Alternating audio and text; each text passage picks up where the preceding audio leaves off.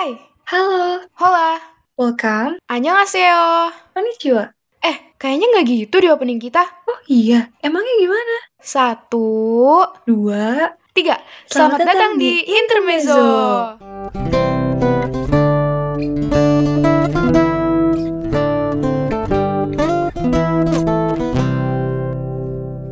Halo semuanya, ini dia episode terbaru dari Intermezzo. Nah, intermezzo kali ini diadakan dalam rangka pemilihan Ketua OSIS SMA Negeri 48 Jakarta periode 2021-2022. Asik, pasti pada nggak sabar banget nih. Nah, sebelum kita mulai ke situ, kita perkenalan dulu yuk gimana? Boleh-boleh, supaya pendengarnya juga ngerasa lebih akrab gitu sama kita.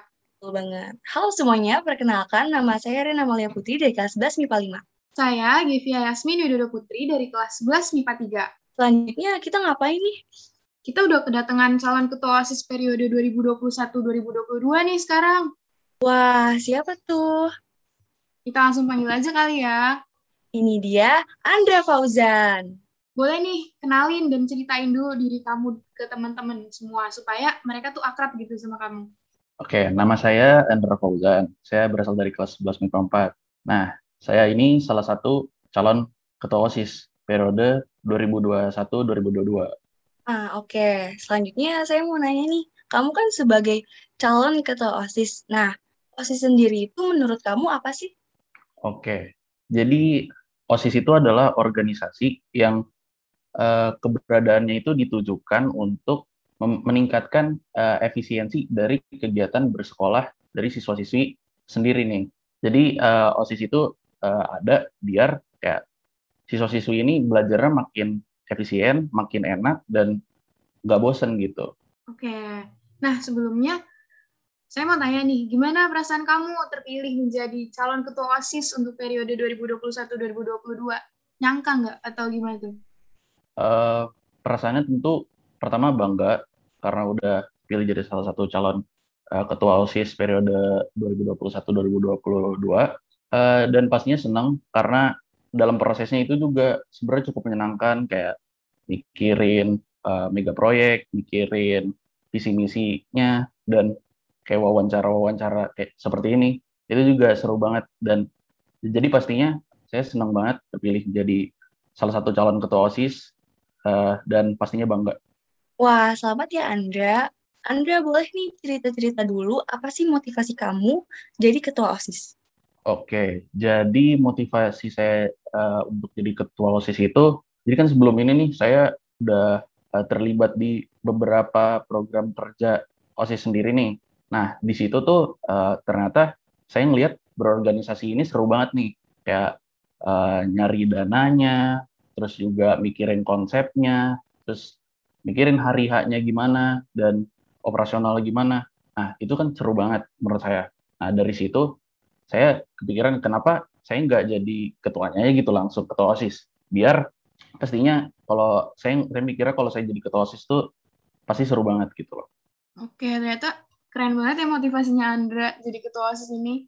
Nah, terus siapa sih tokoh yang kamu jadikan sebagai panutan gitu dalam kehidupan sehari-hari kamu? Oke, salah satu uh, tokoh yang saya uh, jadiin panutan dan saya suka banget itu adalah uh, presiden pertama kita, Soekarno. Karena kenapa? Karena yang saya lihat dari situ dia tuh uh, public speakingnya bagus banget dan dia tuh terkoneksi langsung sama masyarakat masyarakat uh, Indonesia gitu loh. Dan dia juga pintar banget kan buktinya dia bisa jadi presiden pertama kita dan dia juga berhasil memimpin dengan baik gitu. Ah iya, keren banget ya. Nah, visi misi kamu sebagai ketua OSIS nanti tuh apa aja nih, Andra? Oke, jadi visi saya uh, untuk menjadi ketua OSIS itu adalah uh, saya ingin uh, OSIS itu menjadi sebuah organisasi yang dibanggakan nih sama siswa-siswi SMA Negeri 48 Jakarta itu sendiri. Nah, misi-misi yang perlu saya lakukan untuk mencapai itu antara lain, yang pertama saya harus uh, meningkatkan kualitas dan efisiensi dari program-program kerja OSIS yang udah ada nih. Dan yang kedua, saya uh, perlu memikirkan program-program kerja baru yang mengikat kekaguman dari baik pihak internal maupun eksternal SMA Negeri 48 Jakarta. Terus yang ketiga pastinya saya juga harus membangun koordinasi uh, yang baik di lingkup internal ataupun di eksternal OSIS gitu loh. Oke, nah berdasarkan misi kamu tadi tuh yang ketiga, itu tuh cara kamu untuk membangun koordinasi yang efisien atau yang baik di dalam organisasi OSIS kamu nanti tuh gimana? Oke, tentunya eh, kalau mau kita mau punya koordinasi yang baik, tentu kita harus punya komunikasi yang baik juga. Jadi nanti kalau saya terpilih menjadi ketua OSIS, tentunya saya akan berkomunikasi dengan anggota-anggota saya itu uh, ya dengan baik gitu, tanpa uh, tanpa tekanan dan harus efisien dalam uh, berkomunikasi. Kalau keluar tentunya juga sama, uh, harus baik bahasanya, harus efisien kata-katanya dan jangan sampai nih gara-gara kata-kata kita kita dipandang buruk sama pihak inter eksternal dari OSIS SMA Negeri 48 Jakarta. Oke, benar banget tuh. Nah, kira-kira apa nih yang kamu mau lakuin untuk membuat organisasi OSIS lebih baik ke depannya?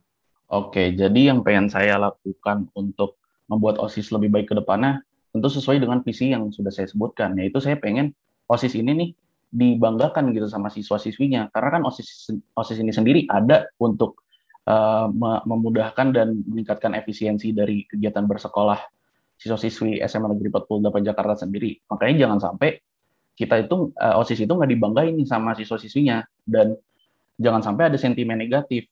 Makanya yang perlu saya bangun yang perlu yang jadi tujuan utama saya apabila saya terpilih menjadi ketua OSIS itu adalah meningkatkan rasa bangga dari siswa-siswi SMA Negeri 48 Jakarta gitu. Oke Andra, terus uh, saya mau tanya nih, gimana solusi versi kamu gitu untuk meminimalisir masalah atau konflik yang mungkin terjadi di dalam lingkup organisasi kamu nantinya, yaitu MPK OSIS. Terus kalau misal perselisihan yang terjadi itu tuh di anggota kamu sendiri gitu di OSIS. Oke. Lagi-lagi kalau misalnya ada konflik itu tentu kita perlu menyelesaikannya dengan komunikasi. Jadi kalau misalnya ada konflik nih, misalnya antara uh, anggota OSIS, misalnya Sekbid 1 sama Sekbid 4 gitu. Ya udah, kita omongin nih bertiga, oke, okay, Sekbid 1 sama Sekbid uh, 4, kamu kenapa ber, kamu berdua kenapa bermasalah nih? Ceritain dulu aja biar kita langsung selesai nih masalahnya di sini. Jangan sampai gara-gara uh, masalah ini kita jadi kerjanya nggak enak, kita jadi kerjanya nggak efisien dan lain-lain gitu. Oke, kalau misalnya ada pengurus OSIS kamu yang melanggar peraturan, tapi setelah kamu tegur, reaksinya tidak terima, bahkan tidak peduli terhadap teguran kamu. Nah, saat kamu ada di posisi seperti itu, apa sih yang akan kamu lakukan selanjutnya untuk menghadapi anggota? Oke, pertama, uh, saya tentu tidak boleh uh, tidak boleh lelah untuk mengingatkan dia dulu nih. Uh, siapa tahu kalau kita uh, ingatkan lagi dan komunikasi diperbaiki lagi, dia bisa berubah gitu kan. Tapi kalau nggak bisa berubah ya uh, terpaksa misalnya posisi dia harus digantikan. Atau kalau misalkan nggak bisa digantikan, berarti dalam program kerja saya akan terpaksa meminimalisir uh, terlibatnya si orang ini karena dia ditegur ditegur pun sudah nggak bisa, dikomunikasikan dengan baik pun sudah tidak bisa. Jadi terpaksa untuk dilakukan seperti itu. Oke Andra, uh, terus kamu tuh ada nggak sih project besar gitu yang mau kamu lakuin di masa jabatan kamu nanti? Boleh dong dijelasin sedikit? Oke, jadi ada nih, saya saya ada satu project besar yang akan saya lakuin kalau saya terpilih menjadi ketua OSIS. Yaitu adalah uh, saya ingin membuat website uh, eh, MPK OSIS SMA Negeri 48 Jakarta. Jadi nanti di situ ada uh, project-project kita, ada kontak kita pasti, terus juga di situ akan tertera struktur dari MPK OSIS 48 itu sendiri. Nah, tujuannya dibuat website itu untuk memudahkan publikasi kita. Jadi apabila kita punya program kerja, nah publikasinya tuh udah tertata rapi di situ dan sekalian pengarsipan juga tuh di situ biar rapi dilihatnya enak seperti itu. Wah, bagus ya proyeknya. Uh, Anda mau nanya nih, apa pertimbangan kamu, kenapa kamu lebih memilih membuat website 48 yang baru? Kenapa tidak memilih untuk mengembangkan serta memodifikasi website 48 yang sudah ada? Oke, jadi alasan kenapa saya memilih untuk membuat website baru adalah karena setelah saya perhatikan di sini ada perbedaan tujuan dari dibuatnya website yang sudah ada dan website yang uh, ingin saya bikin gitu di website yang sekarang udah ada setelah saya lihat di situ isinya seperti data guru uh, uh, kemudian dokumen-dokumen dan juga uh, data-data terkait sarana prasarana. Sedangkan website yang ingin saya buat uh, itu tujuannya adalah untuk uh, mempublikasikan program kerja MPK OSIS. Seperti itu. Oke, Andra. Terus gimana sih cara kamu supaya banyak gitu siswa-siswi yang tertarik untuk berkunjung ke website kamu atau untuk melihat supaya mereka bangga gitu? Oke, uh, sebelumnya tentu saya akan mengumumkan bahwa saya sedang bahkan dari sebelum website itu misalnya jadi saya akan mengumumkan bahwa sekarang OSIS sedang ada program kerja di mana kita akan membentuk website uh, dari MPK OSIS agar uh, tercipta ketertarikan di antara siswa-siswa SMA Negeri 48 Jakarta. Nah, terus nanti pas sudah jadi juga kita uh, saya bakal umumin lagi nih ya biar ingat seperti itu agar nanti bakal banyak yang buka dan bakal banyak yang tertarik. Nah, Anda seberapa yakin sih kamu uh, percaya bahwa dengan membaca siswa-siswi uh, SMA Negeri 48 Jakarta bisa bangga nih sama sekolah kita? Uh, pastinya sih yakin banget ya, karena dengan program kerja ini, ini kan website nih, itu kan memicu kebanggaan bukan sebenarnya bukan dari pihak internal doang, tapi itu juga memikat kekaguman dari pihak eksternal juga karena pasti kan uh, dari misalnya ada siswa-siswi dari sekolah lain yang lihat dan tahu bahwa SMA Negeri 48 Jakarta ini punya website khusus untuk MPK OSIS, pasti kan uh, mereka akan kagum. Kalau kalau seperti itu, tentunya dari pihak internal SMA Negeri 48 Jakarta juga akan timbul rasa bangga gitu. Oke. Nah, Coba dong Andra buat alasan kenapa sih siswa-siswi SMA Negeri 48 Jakarta itu harus memilih kamu sebagai ketua OSIS untuk periode selanjutnya? Oke. Pertama, itu dari sisi program kerja yang akan saya jalankan. Nah, apa sih keunggulannya program kerja yang pengen saya bikin ini sama program kerja-program kerja dari calon-calon lain? Nah, perbedaannya itu ada, adalah di jangkanya. Uh, program kerja saya ini jangkanya jangka panjang. Jadi walaupun ini satu program, tapi ini bisa uh, sustain sampai sekitaran uh, satu tahun atau sekitaran ya periode saya gitu. Sementara yang lain itu programnya bukan jelek, uh, mereka programnya uh, luar biasa bagus, tetapi kelemahannya mereka programnya itu adalah program-program yang sifatnya jangka pendek dan dananya pun tidak kecil begitu. Itulah kenapa saya merasa lebih pantas untuk dipilih daripada calon-calon yang lain. Wah, keren banget nih Andra. Jangan lupa ya pilih Andra. Jangan golput juga ya teman-teman semuanya. Oh ya, boleh dong sampein jargon kamu dan pesan gitu untuk siswa-siswi SMA Negeri 48 Jakarta. Oke, jadi jargon saya itu adalah we go forward with pride. Kenapa we go forward with pride? We go forward with pride itu kan kalau diarti, ke, diartikan ke dalam bahasa Indonesia, uh, kita maju ke depan dengan uh, rasa bangga gitu.